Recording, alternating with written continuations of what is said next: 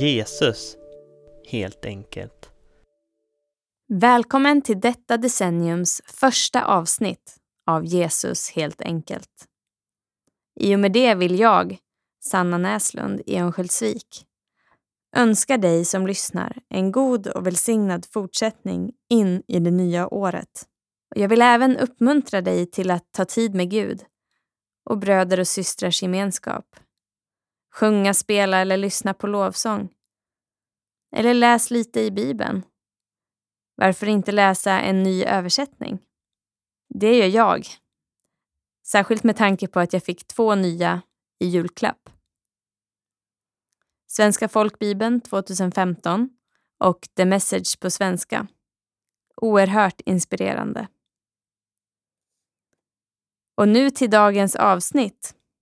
Ännu ett härligt samtal med dagens gäst om Jesus, helt enkelt.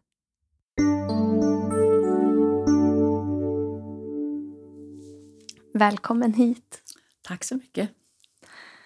Du kan gärna få börja att presentera dig. Vem är du? Ja, jag heter Margareta Nordlund. Jag kommer ifrån... Jag är född i Jämtland och uppvuxen i Sveg i Härjedalen. Mm. Så jag är ju liksom inlandsbo. Mm. Pensionär sedan tio år tillbaks. Eh, jag är sjuksköterska och narkossköterska har jag jobbat som och som lärare på sjuksköterskeutbildning mm. i cirka ja, sen 80-talet någon gång. Och då har jag varvat jobb och, och eh, skolan under många år. Okay. Så jag försöker vikariera ibland så att jag liksom inte tappar, tappade kunskaperna. Nu har jag ju inte jobbat på bra länge. Mm. Och eh, jag är gift med Sune som bor i Husum. Så vi bor där nu också. Då. Mm. Och vi har eh, en dotter var. Eh, och båda flickorna då som vi har eh, har tre barn. Så jag har sex barnbarn.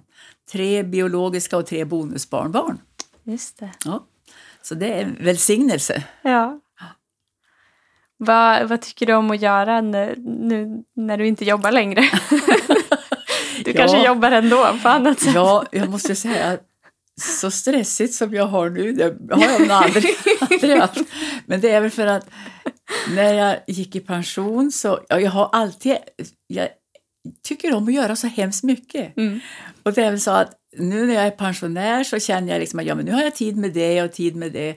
Så jag lovar mig åt alla håll och kanter. Mm. Så veckorna bara försvinner och jag vet inte riktigt, jag, jag får ha almanackan hela tiden för att jag inte ska dubbelboka eller lova bort och sånt där.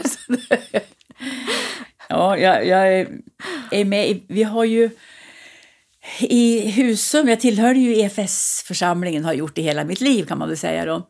Men tillhörde EFS i Husum och för några år sedan, måste ju vara det är tre år sedan vi slog samman, eller gick samman tre församlingar. Mm. EFS, Pingsförsamlingen och en baptistförsamling. Eh, och det höll vi ju på med, liksom, vad ska jag säga, förberedelserna för det höll vi på med ett par, tre år. Mm. Eh, så att vi är nu en församling och, och den är ju in, har då cirka 120-115 medlemmar på pappret. Mm. Men då har vi ju med medlemmar som är utflyttade och som bor på sjukhem och lite sådär. Ja. Så att, men vi är ju bra många mm. eh, aktiva. Vad kul. Väldigt roligt. Det känns livfullt och roligt och vi har många barn i söndagsskolan. Vi är någonstans ja, mellan 15 och 25 barn varenda söndag. Ja, men vad kul. Och lite andra verksamheter. Ja, väldigt roligt. Mm. Var du med i det här i skedet när ni liksom skulle gå ihop? Ja, ja.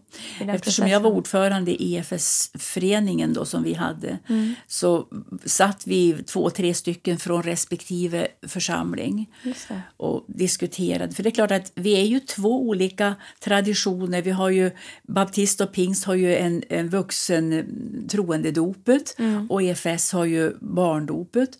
Och att jämka samman det här, mm. det, det var ganska kämpigt jobbigt. Mm. Så ganska många gånger så var det vi kände att nej, vi ger upp, det här går inte, vi kommer inte att klara det här.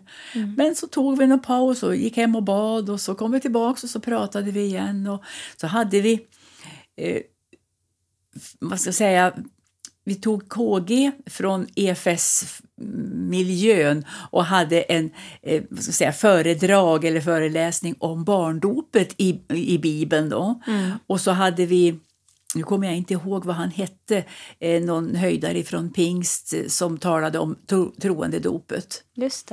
Eh, och KG sa då när han kom in och skulle tala om barndopet, och sa han, jag har talat och predikat om dop i hela mitt liv, men jag har aldrig talat om barndop.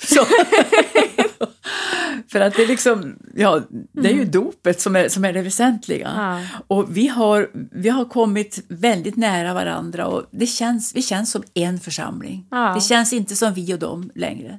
Eller längre. Det, I och med att vi gick samman så kändes det som en gemenskap. Mm. Ja.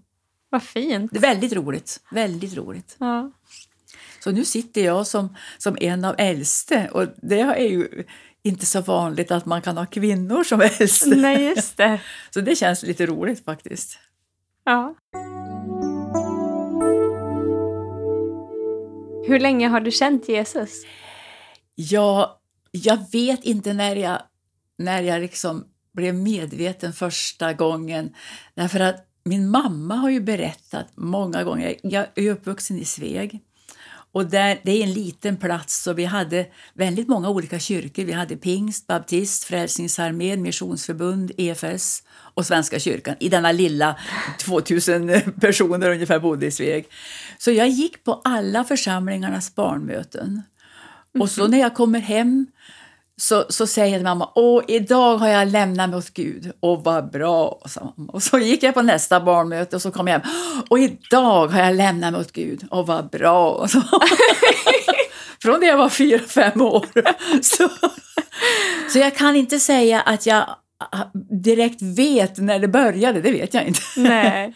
Men däremot så har jag ju haft några mera, när jag kom upp i tonåren, några mer situationer när jag liksom kände att, att jag verkligen fick överlämna mig åt Gud. Liksom lite mera med, med förståndet också, både, både hjärta och förstånd. Mm. Mm. Så att, eh, och sen så kan jag väl inte säga att det har gått spikrakt för under tonårstiden, jag kom upp i, i gymnasiet och så här, så då kändes det ju liksom att jag hade, kom, jag hade inga troende vänner i Sveg. För det fanns, ja, det fanns några stycken i några byar runt om men det var inte så att vi hade någon direkt stor gemenskap. Mm. Utan de jag hade det var ju uppe i Östersund. Det. Så det var, jag for ju dit ganska ofta på läger och på samlingar och sådär. Mm. Och när jag kom då till Sveg så blev det så att jag höll tyst mera. Mm. Ända tills ett, en jag kommer inte ihåg hur gammal jag var, men jag var någonstans i mitten på tonåren skulle jag tro. Så vid en tillfälle så var jag uppe i Östersund och vi hade något stort möte och så kallade ungdomsledaren, som var väldigt viktig för mig, han hade följt med hela mitt ungdomstid kan man väl säga. Han kallade upp mig och sa och här har vi en, en kämpe ska ni tro, för att hon står ensam troende i Sveg eh, som ungdom. Och då minns jag att jag, jag upplevde sån skam. För jag visste ju liksom att jag har inte alls varit någon kämpe och jag har inte, jag har inte öppet pratat om det. Jag har, inte dö, jag har inte dolt det, men jag har inte heller varit direkt öppen med det. Mm. Så då kände jag liksom att jag, jag, kan inte fortsätta så här och vara liksom tyst och så. Så den, den upplevelsen den, den, den väckte mig på något sätt. Mm. Så att jag, jag försökte sen att, att vara lite mer öppen och, och inte... Jag, jag kan inte säga att jag förnekade innan, Nej. men jag var inte så öppen. Mm.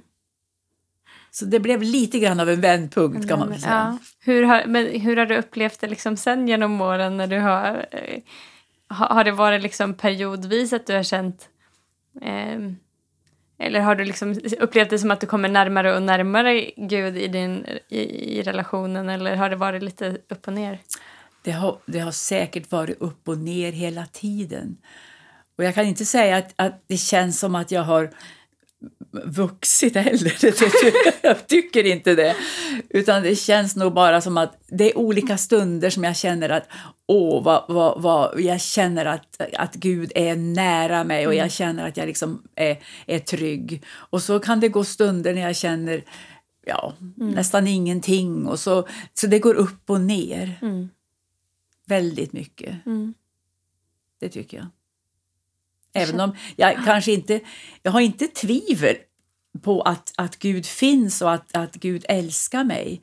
Men ibland känns det som att jag är långt borta, att, jag, mm. att han inte hör mig. Mm. Och så, men så ibland då så, så känner man liksom en sån här riktig eh, närvaro när man känner att oj vad härligt, han, han hör mig. Och, mm. ja. En liten så här förnimmelse av himlen. Ja, precis.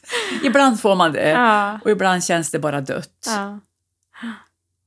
Och det, det, det, kan ju kännas jobbigt, men själva tryggheten av att, att, att Gud finns med mig, att Jesus liksom finns med mig, den, den finns nog mer eller mindre. Mm. Det må jag säga. Mm. Ja. Vem är Jesus för dig då? Hur skulle du beskriva honom?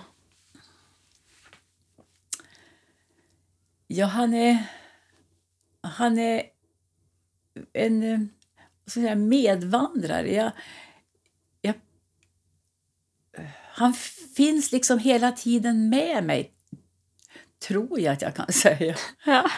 Um, för i varje situation när det är något val så så har jag liksom känslan att jag, jag pratar med honom och mm. säger liksom, men hur ska jag göra? Hur, hur skulle du ha gjort? Mm. och, och det tror jag att eh, en, jag hade en söndagsskollärare i Sveg som ständigt, ständigt, ständigt sa ni, ni måste tänka, ställa frågan hur skulle du ha gjort Jesus om, om du har ställts inför det här? Mm. Och det har jag tagit med mig. Och det gör jag ju inte jämt, för vissa saker är naturliga. Mm. Men när det är någonting som jag är tveksam inför så tänker jag, hur skulle du ha gjort? Mm.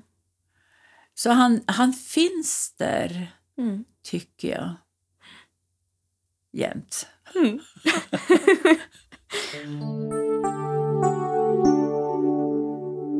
Vad innebär det för dig att leva med Jesus i vardagen? Men då är det kanske det här men samtalet. Ja, jag tror det. Tu man hand. Är det på, på något annat sätt? Hur påverkar det din vardag att du, att du har den här tron, den här relationen? Det, det påverkar mig på så sätt att jag... Jag har tänkt på det ibland. Eh, när jag kommer i situationer när, när eh, andra människor säger saker eh, kanske elaka saker eller man, man tar ståndpunkt för någonting mm. som är tvärt vad jag tror på.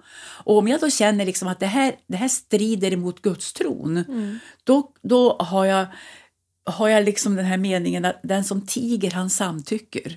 Mm. Och så då kan jag inte vara tyst. Så att jag tror att jag... Eh, vad ska jag säga? Kan vara lite, lite obekväm, det är fel ord, jag vet inte vad jag ska säga.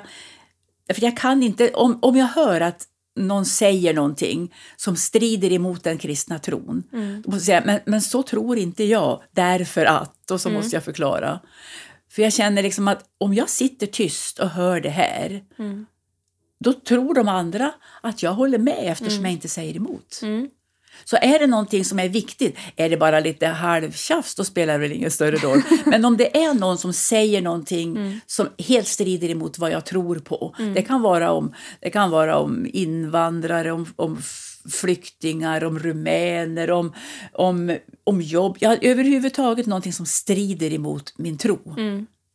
Då försöker jag säga någonting. Mm. För jag tänker, det får inte vara så att de säger men hon satt ju med, hon sa ingenting. Mm. Så på något sätt så har det där styrt mitt, mitt sätt att vara, tror jag. Mm. jag. Det är några gånger som jag har varit tyst när so saker har hänt. Och Det har påverkat mig så negativt. Jag, jag kan liksom inte släppa det sen. Mm. Jag, jag skäms över mig själv för att jag inte stod upp för det eller det. Mm. Och, och, just de här händelserna som, några saker som har hänt för länge sedan, det lever kvar hos mig och jag, jag skäms för sådana saker och tänker, jag borde inte ha varit tyst. Mm. Så det har, det har påverkat mig tror jag ganska mycket. Mm. Jag tänker, kan det också eh, knytas tillbaka till det här under din ungdom? Ja, att det här jag liksom att, att det blev som ett val, att ja, men jag, jag vill inte liksom hålla tyst, Ja. utan jag vill, Jag tror det. jag vill Jag berätta. det. Ja. Mm. Och då, nästa fråga som jag har är, brukar du prata om Jesus? Och då tänker jag att i de här situationerna kanske det blir mer eller mindre om Jesus, men på, Ja, på, något, på något sätt i alla fall kanske. Ja, jag läste ju den här frågan eh, och jag tänker, nej, jag pratar inte om... Jag tror att jag är lite försiktig. Jag är nog inte så att jag, jag spontant pratar om honom, men kommer det till en situation Mm. då, då gör jag det. Om- Om det liksom är antingen eller eller sådär. Mm. Eller det, på något sätt, ja, hur ska jag säga? Eh, om någon frågar Mm. eller om man, man, man kan ju sitta och prata om tro nu för tiden på ett annat sätt. Mm. Och då om det liksom på något sätt öppnar sig, då, då vinklar jag in det på Jesus. Ja. Och säger att, men, men så tror kanske inte jag. Jag, tror, jag tror, har en tro på det och det Mm. eh, istället. Men jag tror inte att jag spontant pratar om, när vi sitter bara utan någon anledning, Nej. börjar prata. Så, så frimodig är jag inte. Men, men det är väl kanske också ett ganska bra förhållningssätt att liksom om det, om det kommer frågor Ja. eller om, om samtalet leder in på det. Ja. För då kanske det finns en öppenhet också. ja, men precis. Ja. Jag tänker att ja, människor måste ju ändå också vara mottagliga Ja. för, för Jesus om, man, om man ska berätta om, om honom. Sen, ja. Sen kanske vissa ha, har mer, liksom, mer naturligt att de kan prata om det hur som helst, när som helst, med vem Precis. som helst. Och det kanske också behövs. Men, Och det är ju eh, den personens ja. personlighet. Liksom. Precis. Och jag har tänkt, tänkt på det också att jag är nog inte den personen. Nej. Men däremot försöker jag att, och till exempel hos arbetskamrater och sådär, när vi sitter och pratar, kommer det en liten öppning, då nappar jag, Mm. Ja. tror jag. Ja. men, men jag är inte den som kommer med första, det gör jag Nej. inte. Nej. Hur umgås du med Jesus då? Du har ju pratat lite om det här små, småpratet. Småpratet, men ja. är det något annat sätt? Är det någonting liksom... I, ja. Ja, nej, det, det är nog det här småpratet. Han, han, jag försöker att liksom ha starta morgonen. Mm. Det ska jag inte säga att jag alltid gör, men jag försöker. Mm. Och vi, nu när vi är pensionärer så, så gör det ju sig själv också. Vi har ju lite mer morgontid. Mm. Även om dagarna är fulla så är ju morgnarna sköna tycker Ja. jag. Och vi försöker att börja med morgonbön. Och det har jag nog kanske gjort alltid. För jag minns, jag har ju jobbat som sjuksköterska och då börjar man ju halv sju på morgonen när man har liksom förmiddagspass. Mm. Och då vet jag att jag var uppe vid fem på morgonen och ställde klockan för att jag skulle hinna ha lite morgonbön. Ja. Så att på något sätt så, så börjar jag på det sättet. Men sen, sen blir det småpratet, det tror jag. Mm. Men, men jag småpratar hela tiden när jag bakar eller när jag, vad jag än gör. Mm. Så, så jag, och det kanske jag ber om Guds beskydd över bullbaket eller vad jag nu ska göra, Ja. laga mat eller något.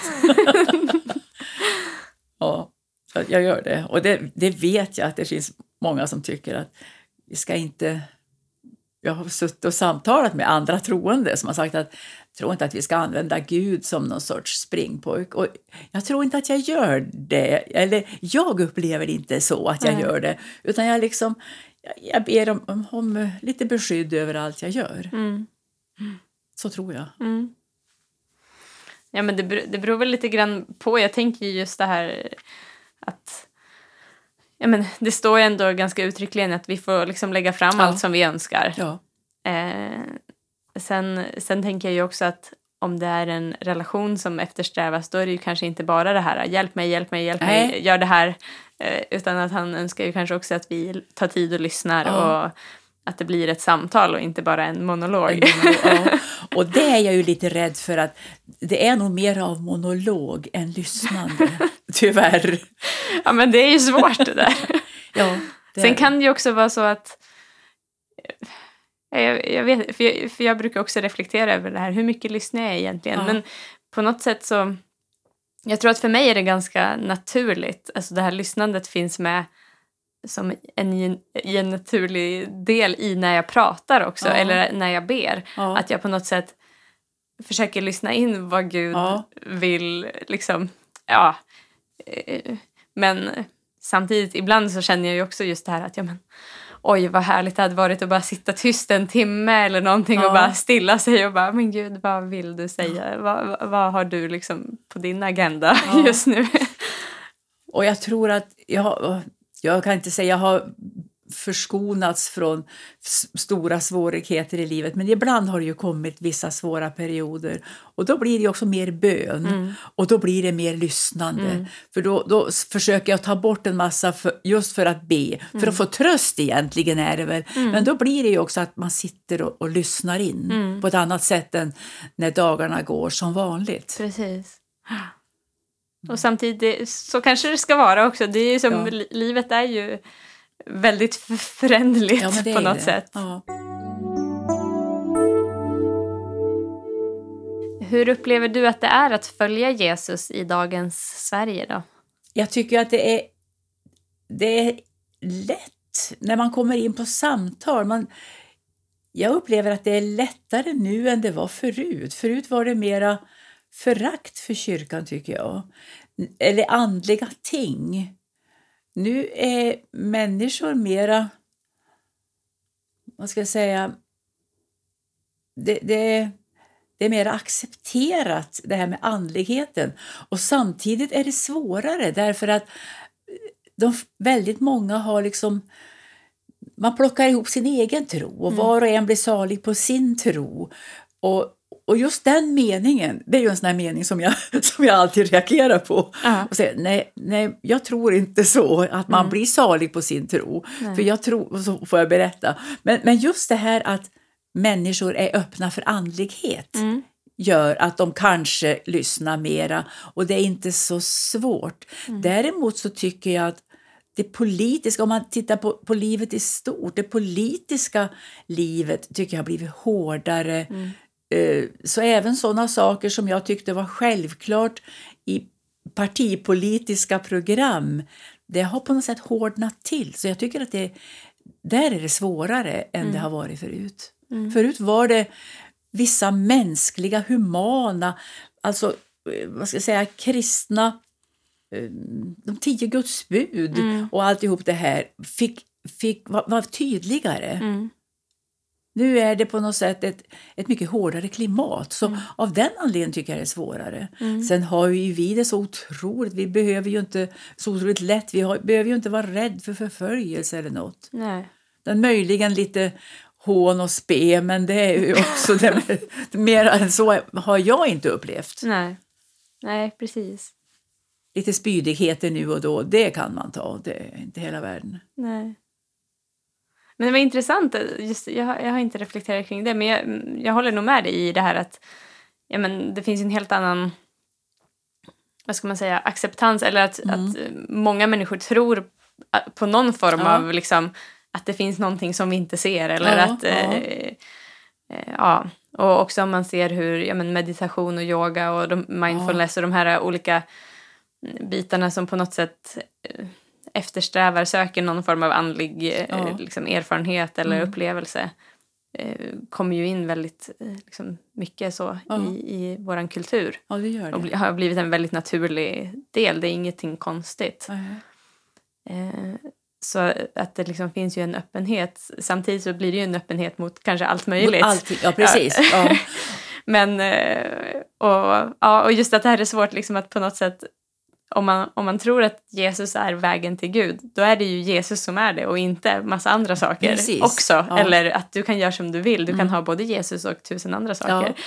Ehm, Men det är ju också lättare när man sitter och samtalar om och så kommer det en väg och säger ja men jag tror på det här och jag, jag håller med dig säger man då och så fortsätter man mm, och så kommer man in på en massa olika saker och då, är ju, då kan ju jag liksom säga men för mig är det liksom inte... För mig, jag kan inte acceptera just det här med, med yoga och, Mm. och den typen av saker eftersom det är, öst, det är ju religion, det är österländska religioner Mm. och där får man ju väldigt ofta mothugg från troende. Mm. Från människor som inte är troende upplever jag att de har, de har liksom sagt ja, ja, det förstår jag ja, Mm. att du inte tycker om det. Precis. Det är väldigt Ja, intressant. det är väldigt intressant. Ja. Det är det. Och vi hade på jobbet någon dag, de skulle ha några yogakurser och ah, man skulle ta upp anmälan till de här. Och jag sa att nej, jag vill inte vara med på det. Varför det? Ja, det är för att det är österländska religioner och jag tror på Jesus. Ja, ja, då förstår Ja, det förstår vi, sa de då. Och då var det ingen mer diskussion om Nej. det, varför inte jag ville vara med. Men när jag har pratat i kristna led Ja. med sådana som, som tycker att det är acceptabelt, då får jag ju ingen förståelse. Nej. Nej. Det, det är lite underligt. Ja, tycker jag då Ja. att det är lite underligt. Mm, jag har ju en fråga som, som kretsar lite grann kring tvivel eller eh, frågor, brottning. Är det någonting som... Är det någon period som du har varit liksom väldigt ifrågasättande? Är det någonting konkret liksom kring din tro som du har brottats med? Eh, eller har det liksom, är det olika små processer eh, lite nu och då? Ja, det är både och. Det är, det är lite små processer nu och då man känner ibland, eller jag känner ibland ska jag säga, att, att, att jag är långt borta från Gud. Att jag liksom... Jag, jag, jag tvivlar ju ibland på att, att jag är på den plats och på det sätt Gud vill, för det känns som att jag är eh, kall ibland.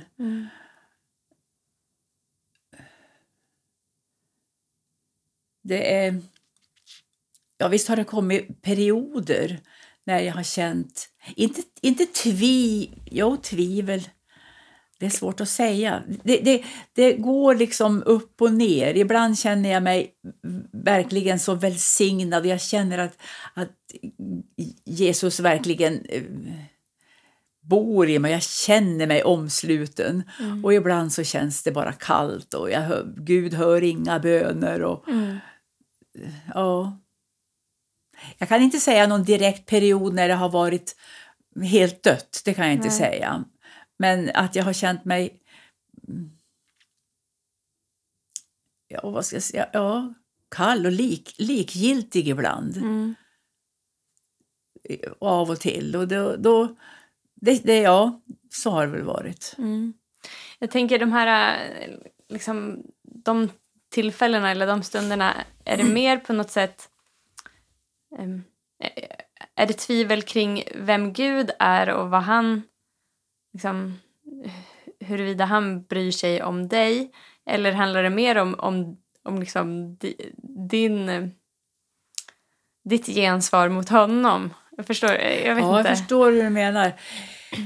Jag tror att det är mera det senare, alltså mitt gensvar. Men ibland så har det väl hänt att jag har liksom tänkt men det kan inte vara så här att Gud ser oss varenda en hela... Det finns inga möjligheter. Så ibland...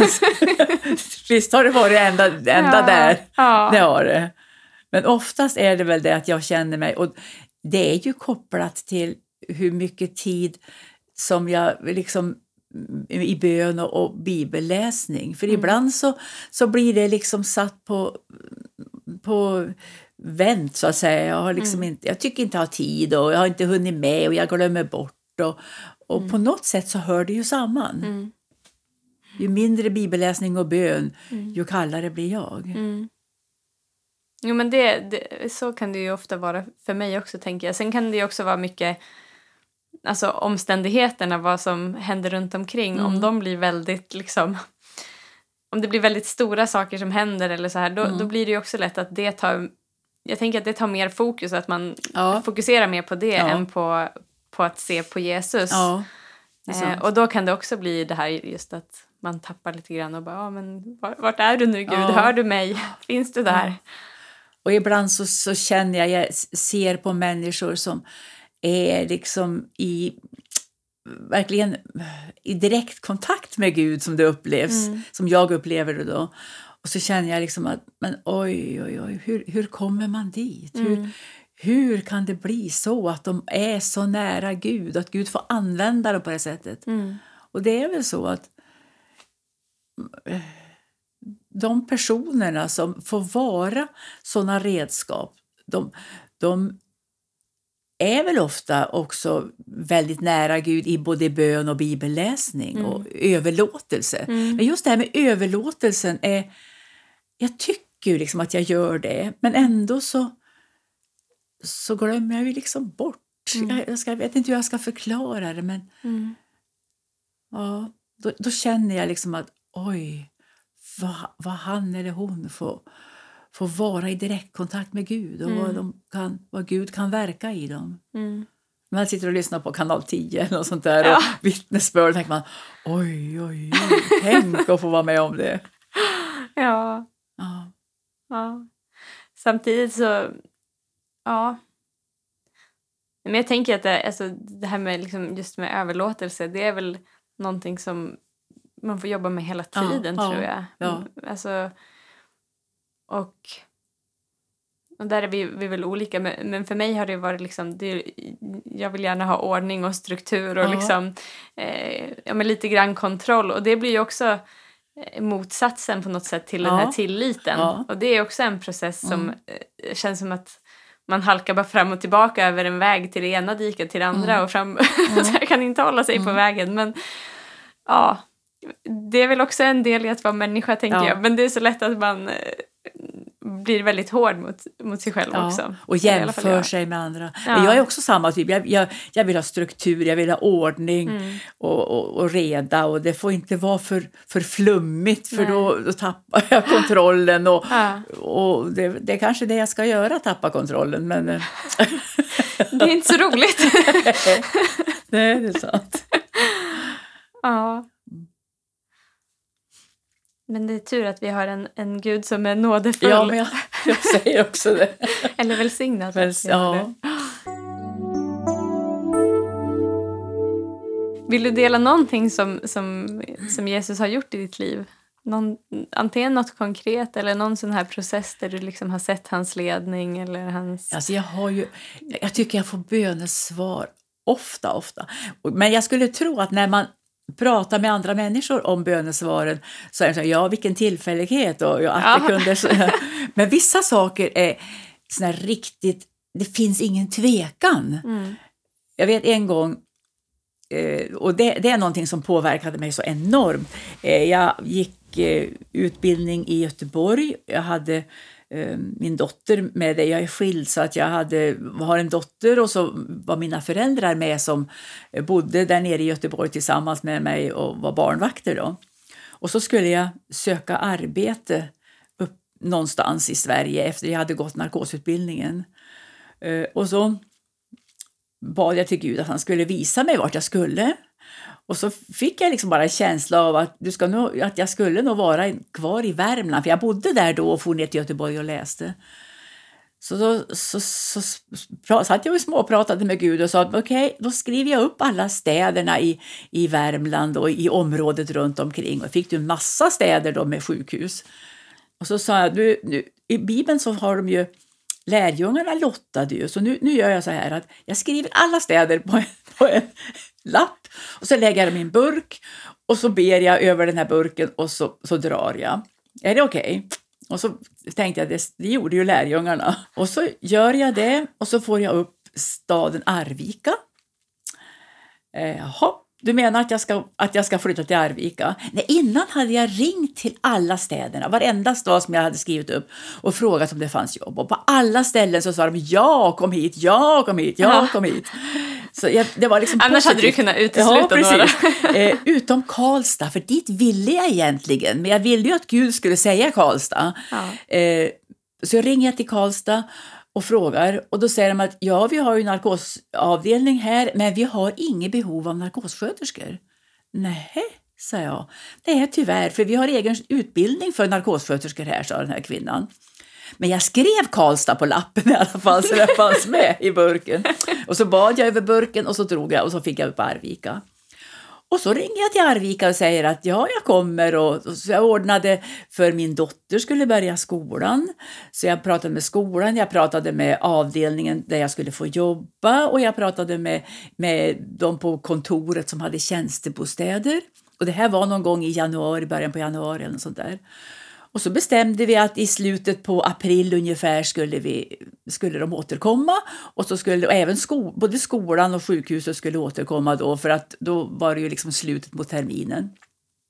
Och så gick det några veckor och en kväll när jag, ska, när jag lägger mig så får jag sån ångest.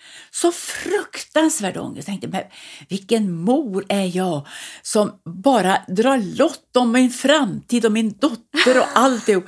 Jag kunde inte som, jag brukar inte ha ångest. Jag, liksom, hade, jag tror aldrig jag hade haft det innan. Nej. Och det var något så fasansfullt.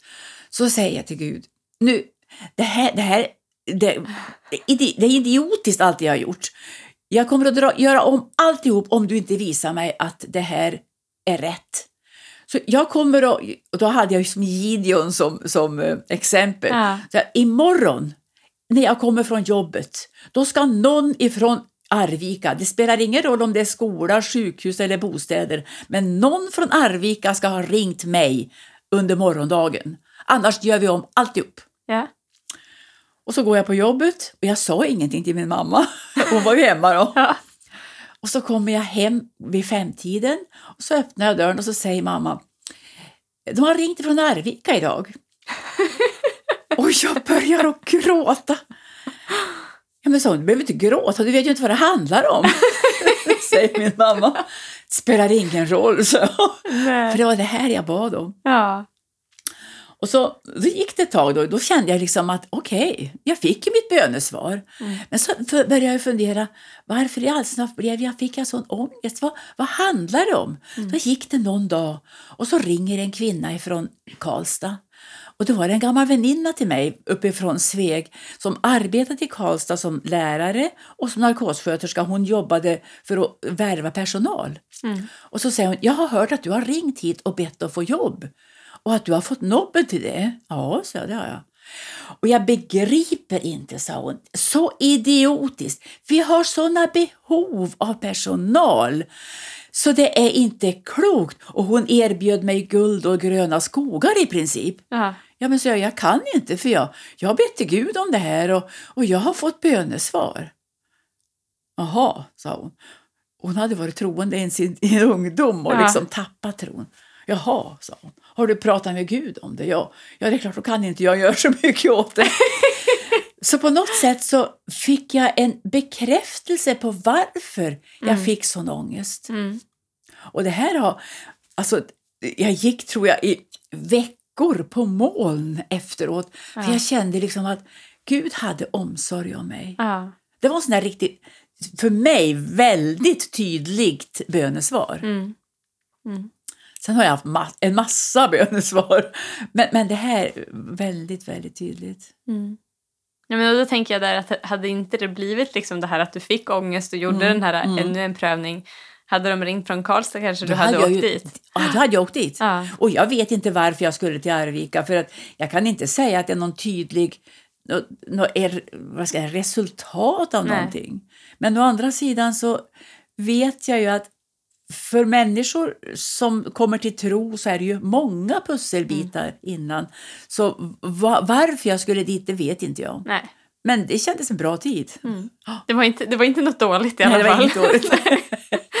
Nej. Ja. Ja.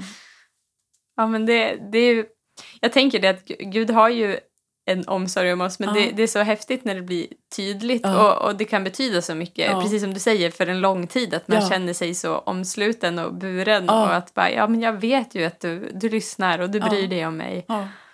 Och det, det kan ju vara jätteviktigt, ja, nu beroende på vilken situation man ja, men i, det är ju det. Det är ju det.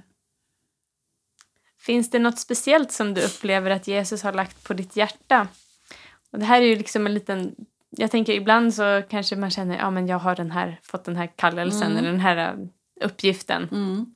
Eller bara någon vision eller någonting ehm, om man säger som, som du brinner lite extra för. Eh, ja. Ja, jag brinner ju för jag, jag upplever faktiskt, jag, jag brinner ju för, för det här med undervisning, alfagrupper, betakurser. Mm. Jag har hållit på ända sedan bodde uppe i Östersund i många år när jag kom från Värmland. Och då startade vi med något som kallades för upptäckargrupper på den tiden. Ja. Och det är ju samma stuk egentligen som alfakurserna nu, fast det var väl lite mer öppet kanske. Men det är samma idé, vi utgick ifrån med bibelsamtal och, och det här. Mm. Och då minns jag att vi hade en mötesserie med Erik Bernspung en gång. Och jag hade, jag hade lite, vad ska jag säga, jag ville ju liksom vara ledd av Gud.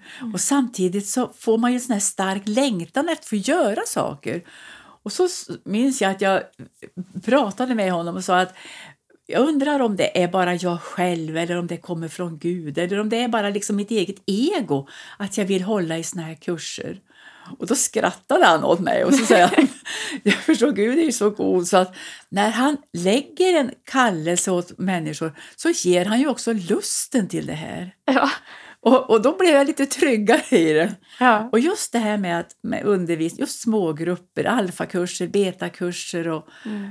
jag, jag, jag tycker om liksom och jag håller på, jag är ju sån här vad ska jag säga, biträdande medarbetare inom EFS och far omkring och predikar ganska mycket. Mm. Och det, ja, jag, det känns som en kallelse.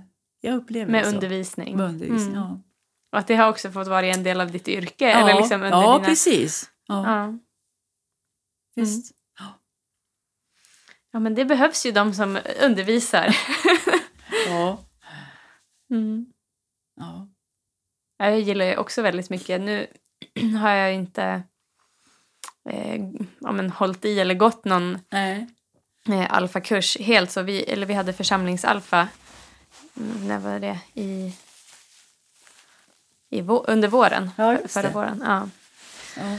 Eh, och, och jag tänkte bara, ja men oj vad kul den Ja. gången när vi startar en riktig alfa och bjuder in liksom, Ja. utifrån och så här. Så det, ja. Vi har nog haft en, det måste ju vara fem, sex, sju stycken kurser i, i Husum. Mm. Olika, eh, olika många, olika typer. Vi hade någon kvinnoalfa, för vi hade kvinnofrukost där och då var det många. Ja. som efterfrågade. Och den, i den kursen, det måste ju vara sex, sju år sedan nu, eh, där var det ju, jag tror det var 14 stycken. Mm.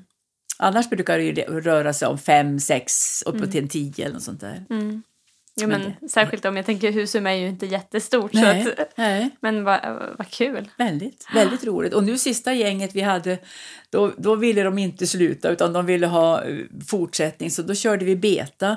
Och sen ville de inte sluta där så då hade vi sen här, året därpå, då hade vi samtal, liksom träffades en gång i veckan och bad och, och bara samtalade. Ja. I allmänhet bara så att säga. Ja. Ja, och det kändes väldigt roligt. ja.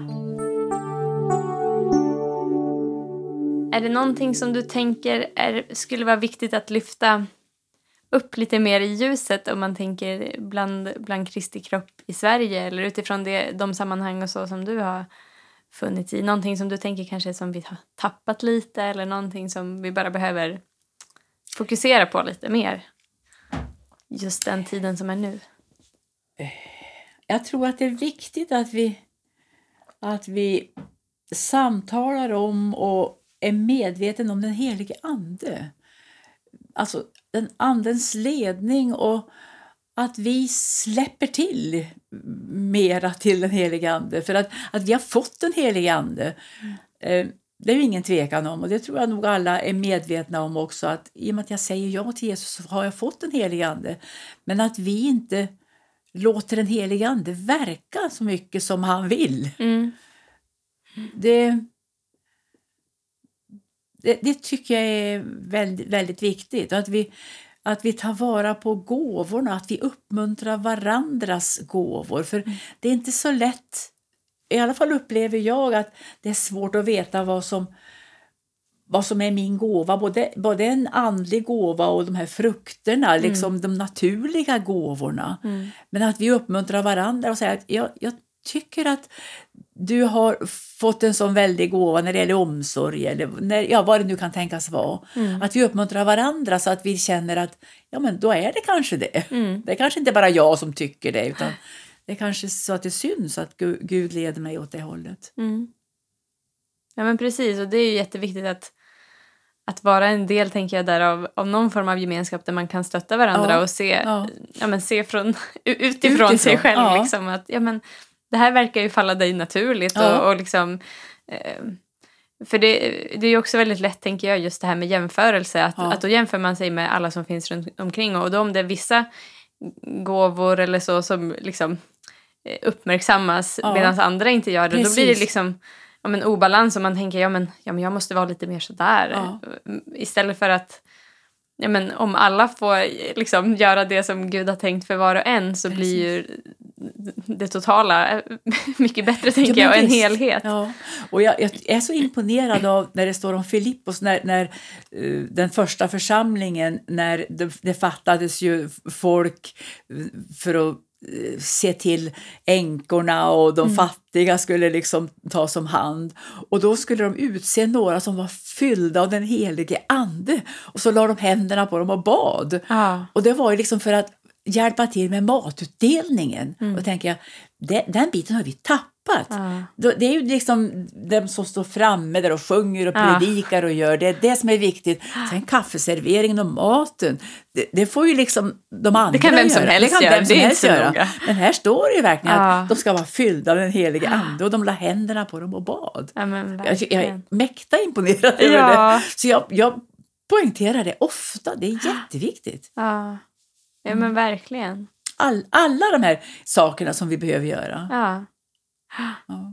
Jo, men det, det är ju så. Men samtidigt så är det väl, vi blir ju präglade av den världen vi Ja, lever i och ja. liksom, där det är den som syns och hörs, Ja. det är de som blir ärade. Men på något sätt så, det blir ju helt fel också i den kristna församlingen om, om det smyger sig in, det typet av tänk och beteende. För att om vi vill att all ära ska gå till Gud, Mm. Och helt plötsligt börjar vi ära och upphöja människor som Ja. finns i vårt sammanhang. Mer än, alltså det är klart att vi ska ju ära, eller liksom tjäna varandra och Ja. upphöja, liksom uppmuntra varandra på, på, på det sättet. Mm. Men inte där vissa liksom blir satt i skyarna och Nej. andra inte ens ser, ser vi inte ens på. Liksom. Nej. Och det är lätt gjort, för det, Ja. det är liksom man följer med och man beundrar någon. Och, ja, det, det är väldigt lätt gjort. Mm. Och det är också... Jag, är, jag har, vad ska jag säga, lite rädsla, lite, lite förskräckt över just det här att när man står i, inför människor Mm. att man tar åt sig så mycket för de kommer och säger vad bra, tack ska du ha, det var fantastiskt. Man känner liksom, ja det gjorde jag bra och så, så klappar man sig på bröstet och att man liksom får behålla eh, eller vad säger, att man får vara ödmjuk. Mm. Och det, eh, att be om ödmjukhet, det, Mm. eh, jag törs liksom nästan inte det. För rätt vad det är så, så låter Gud en få gå igenom en grej som verkligen gör en ödmjuk. Det gör ont. Ja. Det är inget bra. Ja. Nej. Men, men det är en ständig rädsla över att man ska upphöja sig Mm. själv. Mm. Jag upplever det så Mm. faktiskt. Ja, jag, eh, ja, men jag brukar ju vara med och, och spela och sjunga lite Ja. ibland och ibland hålla någon andakt eller ja. läsa någonting kort och så. Men jag, ty- jag tycker faktiskt att det är jättesvårt just det här att hantera Ja. för att eh, ja, på, på något sätt så man måste ju hantera det som man, det man får tala till sig Ja, eller, och på ja. något sätt men det blir väldigt svårt också att om, om någon kommer och berömmer mig Ja.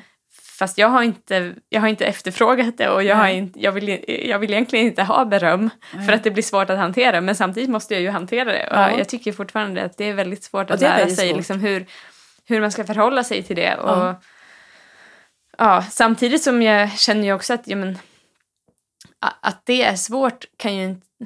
Det, det vore ju synd om det ska stoppa mig från att berätta Ja. om Jesus eller sjunga Precis. till hans ära Ja. och så vidare. Men Ja. ibland så känns det nästan som så att jag bara, nej men nu, nu bara håller jag tyst och ställer mig längst bak och syns inte i Nej. en vrå någonstans för jag vet inte vad jag ska göra av allt det här. Nej, för det är klart, jag, jag vill ju ha beröm. Jag vill ju att det ska vara bra det jag säger. Absolut. och att folk ska så- ja. tycka om det samtidigt som, som att man Det är inte, inte ditt ska motiv liksom. Nej. Ja. Nej, Nej, det är väldigt dubbla känslor liksom. Ja. Och, och rädslan för att fy, det, det, är liksom, det, är ju, det är ju jag som gör det och jag har den personligheten. Mm. Men det är inte jag som ska ta åt mig äran. Nej, precis. För jag vill ju peka på, på, på honom honom. som, som ska leda mig, som leder mig. Ja, Ja. precis.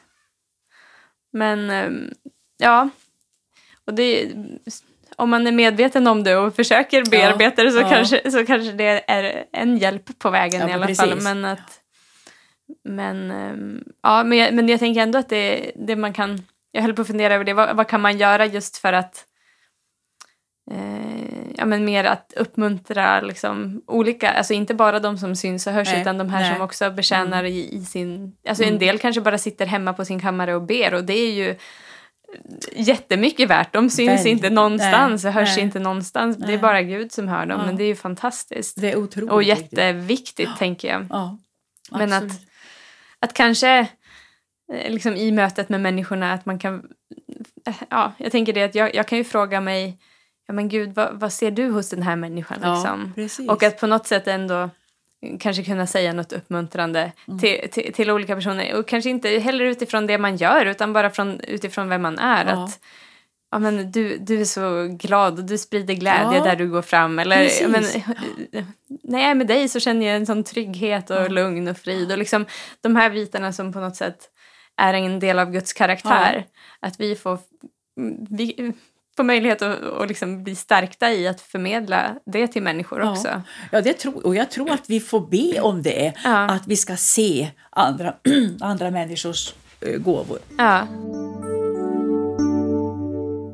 Är det någon person som har fått betyda något särskilt? Du nämnde någon ungdomsledare eller ungdomspastor. Det, det var en ungdomspastor vi hade uppe i Östersund. Han var väldigt väldigt duktig på att ta hand om alla och alla kände sig eh, viktig och så. Mm. Och han, eh, han var min ungdomsledare från det jag var for omkring på läger och från 12-årsåldern kan man väl säga. Mm. Ja, dels vår pastor som jag hade när, när jag gick i både söndagsskolan och Solglimten och alltihop det här. Det var ju han som jag sa, alltid sa, det ska, och det, han, du ska synas på dig att du är en kristen, Mm. sa han också. Vad du än gör ska det synas att du är en kristen, om du så sopar golvet. Ja. Och det där har liksom påverkat mig mycket.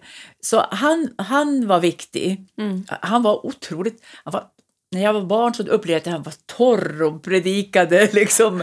Han var ju säkert otroligt duktig för jag uppskattade ju honom mer och mer ju äldre jag blev. Ja. Men just de här sakerna som han sa, det påverkade mig. Och sen då min ungdomsledare Olle Kjellberg, han var väldigt viktig för mig. Mm. Eh, Som, som verkligen... eh, Ja, han, han var med ända tills eh, jag var vuxen. Mm. Sen finns det många under olika perioder. Mm. Men just de här två Mm. har ju liksom satt spår, Mm. måste jag säga. Mm. Har du något tips eh, på antingen någon bra bibelberättelse eller någon bibelvers eller någon bok eller musik eller Ja, något uppmuntrande? alltså jag tycker om Gideon väldigt. Ja. Gideon är ett föredöme måste jag säga. Och, um, sen bibelboken Apostlagärningarna är ju fantastisk, liksom, hur man får uppleva, så det tycker jag om. Mm. Eh, vanliga profana böcker, en, en bok som jag verkligen har läst flera gånger och som jag tar till mig, det är den som jag fick nu i våras när Arne Skagen var på EFS-konferensen, den här Äntligen måndag. Mm. Den är ju fantastisk. Vi har tagit den till, till vår... ehm, Mikael Artursson har varit i Husum och eh, sålde böckerna där. Och vi tog den till vår bönegrupp. Ja. Och där har man ju blivit så förtjust i den så vi vill ha den som liksom, litteratur. Mm. Och det är såna praktiska... Jag vet inte, har du läst den? Ja, jag har läst den. Den är ju helt underbar. Ja. Praktiskt sett hur man, hur man talar med människor. Mm. Så den är ju Anita Barkers böcker om liksom under i vardagen och sådana där saker också. Mm. Ja. Mm. Det finns mycket härligt. ja, men det gör ju det. Det gör det. Ja.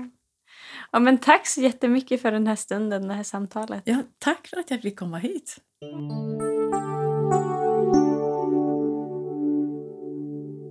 Som avslutning vill jag läsa ur boken som Margareta tipsade om.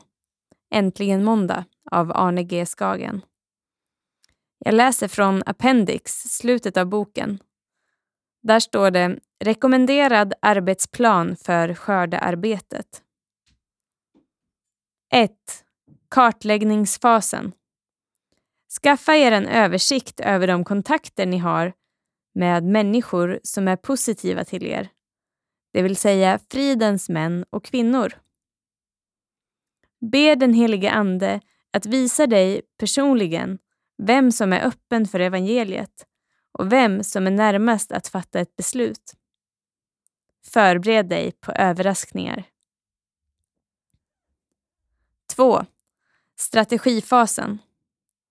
Be den helige Ande att ge dig nycklar till ytterligare framsteg.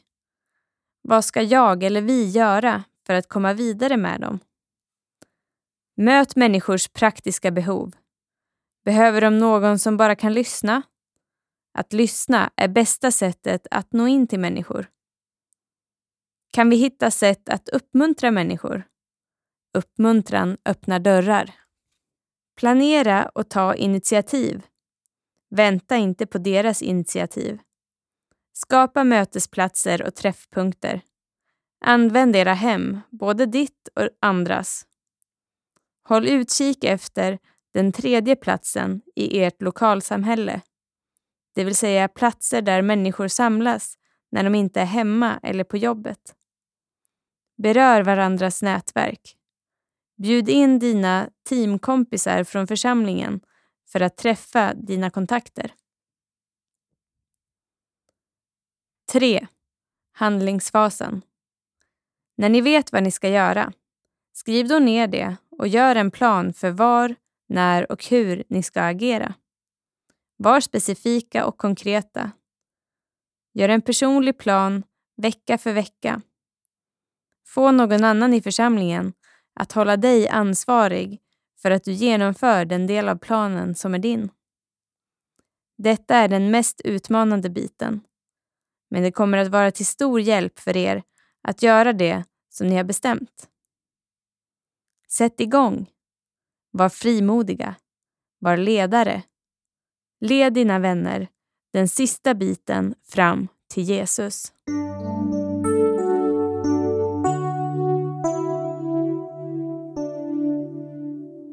Producerad av AN Ton.